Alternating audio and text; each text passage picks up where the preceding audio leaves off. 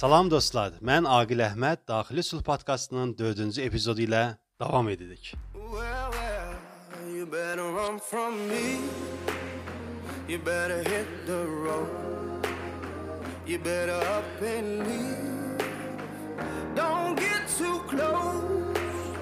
Cause I'm a rolling stone.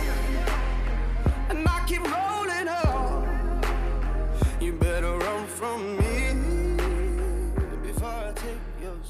Bugünkü mövzumuz hədəflər və həyatdakı məqsədlərimizdən danışacağıq. Müvəffəqiyyətə çatmağın ən asan yolu hədəf və məqsədin olmağıdır. Məqsəd və hədəf hər bir uğurun açarı deməkdir. Məqsəd və hədəfin olması uğur və müvəffəqiyyət üçün vacibdir. Əgər bir insanın həyatında hədəfi, planı olmazsa, heç cür uğur əldə edə bilməz. Apple şirkətinin qurucusu Steven Jobs deyirdi: Əgər səhər yuxudan oyandın və heç bir planın və hədəfin yoxdursa, yaxşısı budur yerinə qayıdıb yatasan. Çünki oyaq insan üçün vacibdir. Mütləq və mütləq hədəf və planı olsun.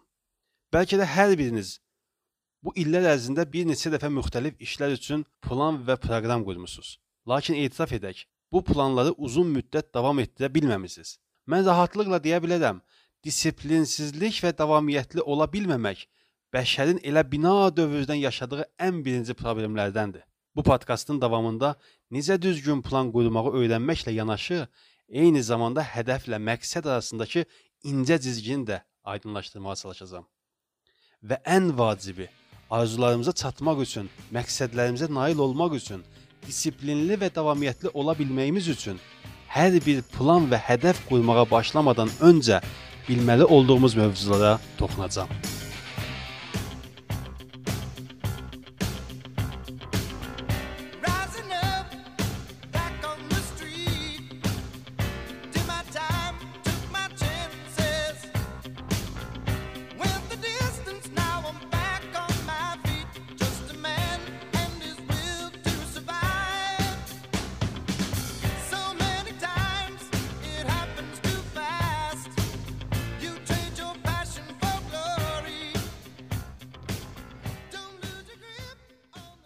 Hədəf və proqram qurmağa başlamadan öncə bilməli olduğumuz məsələlərdən birincisi, uğurlu insanların bir neçə ortaq xüsusiyyətləri var. Hansı ki bu xüsusiyyətlər adi insanlarda yoxdur. Müvəffəq insanlar bu xüsusiyyətlərlə adi insanlardan fərqlənirlər. Bu xüsusiyyətlər hansıdır? Müvəffəq insanların birinci xüsusiyyəti gözəl adətləri və rutinlərinin olmasıdır.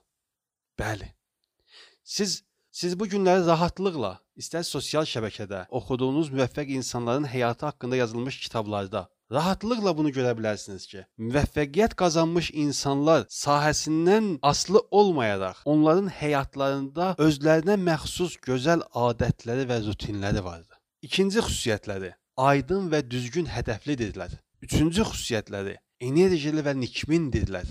Yəni pessimist deyillər, bədbin deyillər. Eyni zamanda sadəlöv də deyillər. Enerjili və nikbindirlər. Dördüncü xüsusiyyətləri hər şeydən qədərində istifadə edərlər. 5-ci xüsusiyyəti öz məsuliyyətlərini dərk edib öz üzərlərinə götürərlər. Yəni heç vaxt deyinməzlər, başqalarını təqsirləndirməzlər. Pensilvaniya Universitetinin 48 ştatda 6 ay sürən apardığı araşdırmaya əsasən cəmiyyətin 98%-i hədəfsiz və plansız yaşayırlar. Nəticə etibarilə həmin bu 98% insan hansı ki bu sadəcə Amerika cəmiyyətinə aid deyil, hətta bizim öz ölkəmizdə də aiddir. Ətrafınıza baxsaz görərsiniz insanların necə plansız və məqsədsiz yaşadıqlarını. Bu insanlar yerdə qalan 2% planlı və məqsədli insanların arzu və istəklərini həyata keçirmək üçün çalışarlar. Özünə sual ver. Sən bu gün həmin 2% məqsədli və hədəfli insanlardansanmı? Və bu sual haqqında düşün.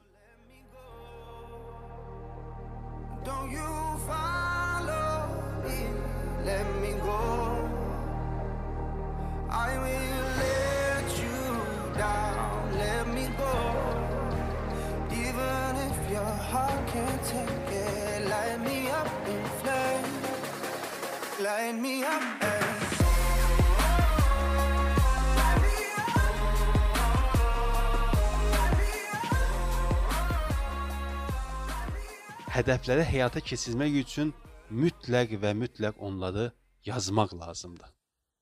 Yazmağın təsiri haqqında NLP və dini qaynaqlarda geniş şəkildə izah verilib. Mən qısa olaraq bunu deyə bilərəm. Baxın, bizim düşüncə və fikirlərimiz metafizikdir, yəni maddə deyillər.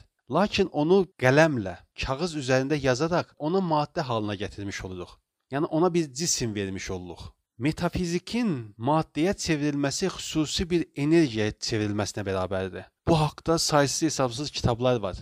Yazın həyata keçsin, yazın baş versin adlı müxtəlif əsərlər tərcümə olunub. Müvəffəqiyyət ustadlarının yazmaq barədə ortaq dedikləri var. Hədəflərini yazmaqla onların həyata keçməsini bir neçə yüz dəfə artırmış olursunuz. Deməli plan və hədəfləri yazmaq vacibdir.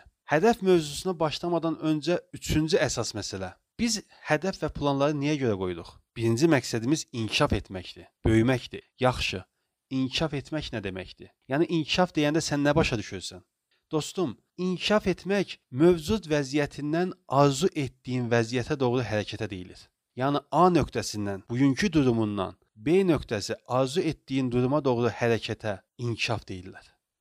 Müvəffəqiyyət elmində həyat dördlüyü deyilən mövzu var. Bu dördlüyün birincisi mənəviyyatdır, ikincisi düşüncələrdir, üçüncüsü duyğulardır, dördüncüsü maddiyyatdır. Yəni müvəffəq olmaq istəyən insan bu dördlüyü özündə cəmləşdirməlidir.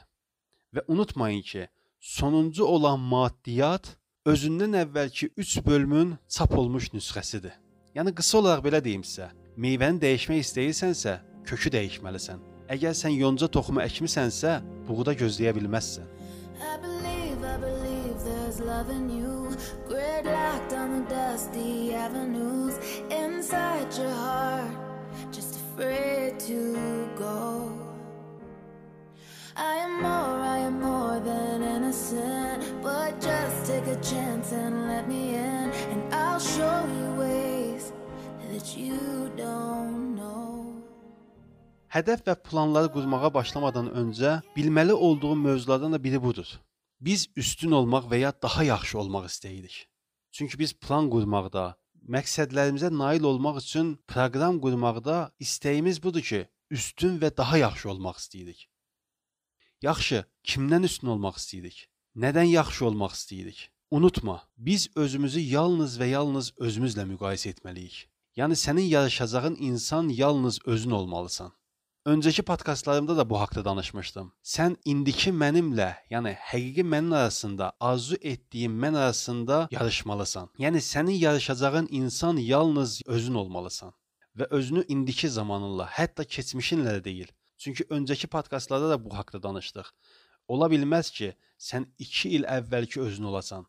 Mütləq şəkildə bu zaman arasında baş verən dəyişiklik səni sabit saxlaya bilməz. Ona görə özünü bu dəqiqənlə, bu anınla müqayisə et və arzusunda olduğun mən ki var, yəni istəyirsən nə olasan, indiki olduğunla arzu etdiyin arasında elə də uzaqlıq olmasın. Bir uyğunluq, yaxınlıq və müştərəklik olmalıdır.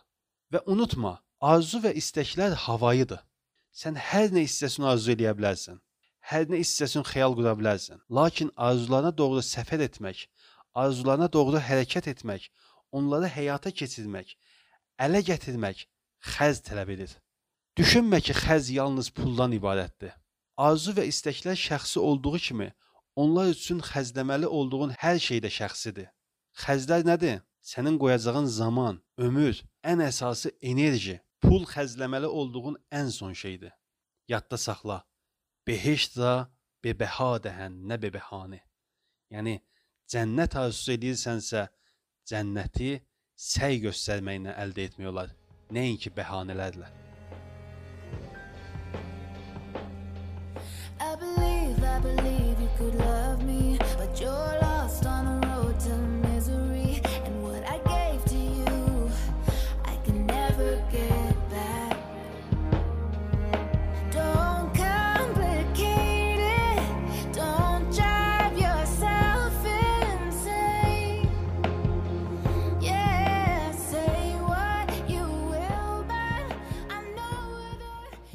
Əziz dostum, hədəf və plan mövzusuna keçmədən öncə deyəcəyim 5 məsələni diqqətlə qulaq as, hətta özün üçün yaddaş edib yaz. Birinci məsələ şəxsiyyətdir. Sənin hüviyyətin, kimliyin və nəliyin. Buna aiddir özünü təhlil etmə, özünü tanıma, özünə hörmət, özünə güvən, vəzifənin aydın olması və hara getmək istədiyin. Baxın əziz dostlar, insan öz şəxsiyyətini və hüviyyətini tapdıqdan sonra hədəf və plan haqqında düşünə bilər. Buna görə hər şeydən öncə zaman ayırın, vaxt ayırın özünüzü təhlil etmək üçün, özünüzü tanımaq üçün. İkinci məsələ dəyərlərdir. Dəyərlər rəftarın keyfiyyətinə deyilir, əxlaqi səciyyələrinə hörmətə deyilir.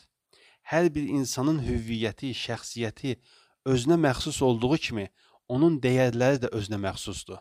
Elə ki dəyərlərini tapdın, əxlaqi dəyərlərinə hörmətlə yanaş. Üçüncü məsələ xüsusi qabiliyyətdir. Hər bir insan bir istedada malikdir. O xüsusi qabiliyyəti özündə tap və özünə sual ver. Mənim ən yaxşı bacarığım nədir? Dördüncü məsələ perspektiv və son məqsəddir. Yəni özün üçün bir məqsəd, arzu etdiyin, özünü görmək istədiyin bir mənzili təsəvvür et. 30 il sonra, 40 il sonra harda olmaq istəyirsən, hansı şəraitdə olmaq istəyirsən, hansı mənəvi və maddi durumda olmaq istəyirsən, onu özün üçün cilvələndir ginən. Bunun üçün Viktor Franklin Man's Search for Meaning kitabını, məna axtarışında olan insanlar kitabını mütaliə etmək sizə olduqca kömək olacaq. 5-ci mövzu missiyan və məmuriyyətindir. Sənin bu həyatdakı risalətin, sənin bu həyatda görməli olduğun işin. Əziz dostum, necə sənin barmaq izin yalnız özünə məxsusdur? Sənin şəxsiyyətin, dəyərlərin, xüsusi qabiliyyətin, bunlar hamısı sənin özünə məxsus olduğu kimi, sənin bu həyatdakı missiyan da, sənin bu həyatdakı görəcəyin iş də yalnız özünə məxsusdur. Təsəvvür et, səni əvəzləyəcək ikinci bir insan yoxdur bu həyatda. Günəşin, ayın, bu kainatın sənin görəcəyin işə ehtiyacı var. Çünki ikinci elə bir şəxs yoxdur ki, sənin yerini doldursun öz yaranmağının səbəbini tap. Bu həyatda görə biləcəyin nəliyini, nə edəcəyinin səbəbini tap. Bunlar hamısı hədəf və plan qurmadan öncə özündə müəyyənləşdirgin. Paulo Coelho-nun kimyager əsərini mütləq və mütləq sizə tövsiyə edirəm. Öz mütaliə kitablarınızın arasına salın. Bu kimyager əsərində sizin də öz həyat missiyanızı necə tapacağınıza kömək olacaqdır.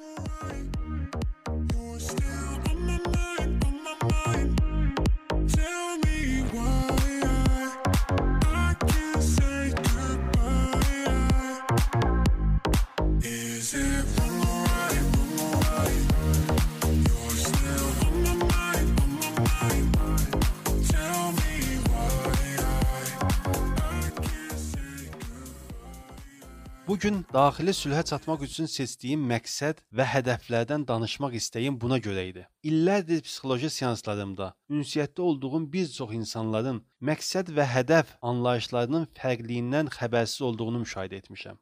Bu səbəbdən də bu məsələni aydınlaşdırmaq qərarına gəldim. Məqsəd nədir?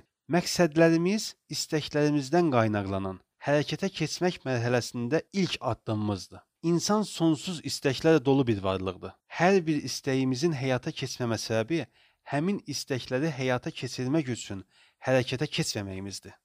Yəni həm arzularımıza görə, həm də onların reallaşıb reallaşmamasına görə məsuliyyət tamamilə bizə məxsusdur. İstəklərimizin birini seçib onu həyata keçirməyə qərar vermək həmin istəyimizi məqsəd kimi görməkdir. Yəni biz artıq istəyimizi sadəcə bir istək olaraq deyil, zaman periodu ərzində nail olunası məqsəd kimi görərək həyata keçiririk. Gördüyünüz kimi, məqsədimiz bizim istəyimizdir və istəklərimiz spesifik ola da bilər, olmaya da bilər. Məsələn, məqsədim hər hansısa bir idman sahəsində çempion olmaqdır və ya hər hansısa bir sahədə ixtisaslaşmış mütəxəssis olmaqdır, xoşbəxt olmaqdır, sağlam olmaqdır, biznesmen və ya siyasətçi olmaqdır və s. kimi. Bütün bu qeyd etdiklərim ümumi anlayışdır. Yəni sadəcə kim olmaq və necə biri olmaq istəyinin cavabıdır. Yaxşı, onda hədəf nədir? Hədəf olmaq istədiyin xüsusiyyəti hansı yollarla əldə edəcəyini müəyyənləşdirməkdir. Yəni daha spesifikdir. Məsələn, məqsədim psixologiya sahəsində mütəxəssis olmaqdırsa, hədəfim də həftədə 5 dəfə universitetə gedib dərs oxumaq, bu sahəyə dair 2 məqalə mütaliə etmək, ayda 1 kitab oxumaq, analiz etmək, X adlı qurumda təcrübə göstərmək. Gördüyün kimi, hədəf məqsədə çatmaq üçün müəyyənləşdirilmiş hərəkət planıdır. Boşuna deməyiblər ki, görə bilmədiyin hədəfi vura bilməzsən. can't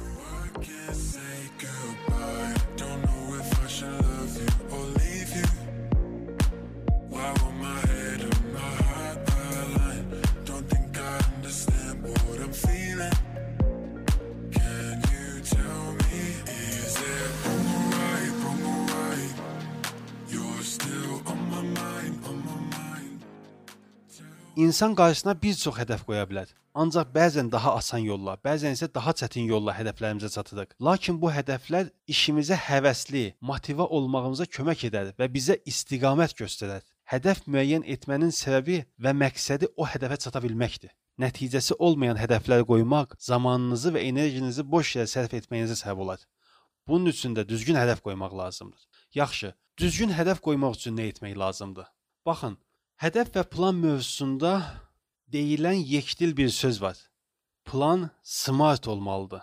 Bu 5 hərfli kəlməyə diqqət edin. Smart sözü yəni ağıllı. Amma hər bir hərfinə diqqət olunaraq bu kəlmə seçilib. Birinci hərfi spesifik olmalıdır.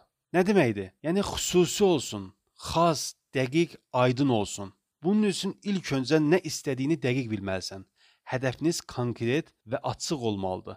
Bir hədəf əsla uzun və ya şablon olmamalıdır. Hədəfiniz belə olduğu zaman işlərinizin də gedişatını asanlıqla görə biləcəksiniz.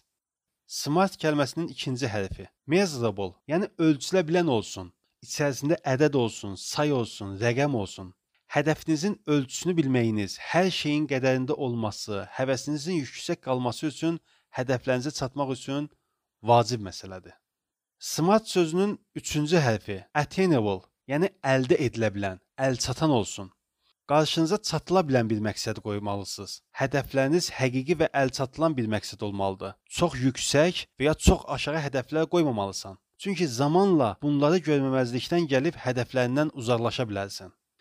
Smart kəlməsinin dördüncü hərfi reasonable, məntiqli olsun, şəraitinə uyğun olsun. Yəni sənin ilk öncə dediyim şəxsiyyətin, dəyərlərin, sənin missiya və risalətin müəyyənləşdikdən sonra bütün məqsəd və fikirləri ilə əlaqəli bir hədəf olmalıdır. Misal üçün, əgər sənin məqsədin hər hansısa bir sahədə mütəxəssis olmaqdır, hər hansısa bir idman sahəsində çempion olmaqdırsa, sən gedib məhəllədə bir dükan açıb mağaza işlətmək sənin hədəfin ola bilməz, sənin planın ola bilməz. Buna görə də məntiqli olmalıdır, şəraitinə uyğun olmalıdır. Smart kəlməsinin 5-ci hərfi time bound zamanlı olmalıdır, vaxt təyin olunmalıdır.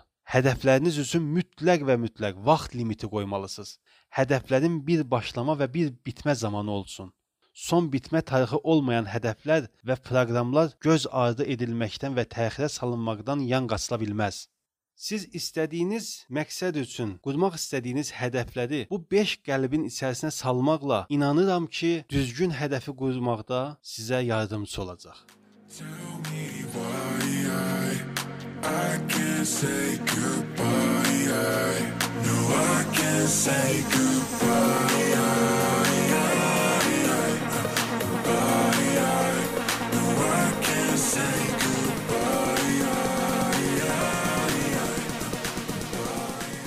Əziz dostlar, bu podkastı hazırlamaq üçün demək olar hədəf barədə yazılmış bütün kitabları cəmləyib xülasə formada sizə çatdırdım. Buna görə də bir neçə dəfə bu podkasta qulaq asmağınızı tövsiyə edirəm. Hətta yaxşı olar ki, özü üçün bir dəftər ayırsan və burada danışdığım ən vacib nöqtələri özündə qeyd edəsən. Bir də arzu edirəm ki, söhbətimin əvvəlində dediyim kimi 2% hədəfli insanlar sırasında sən də olasan. Çünki arzularını yaşamaq sənin haqqındır. Növbəti podkastlara qədər Allah amandı.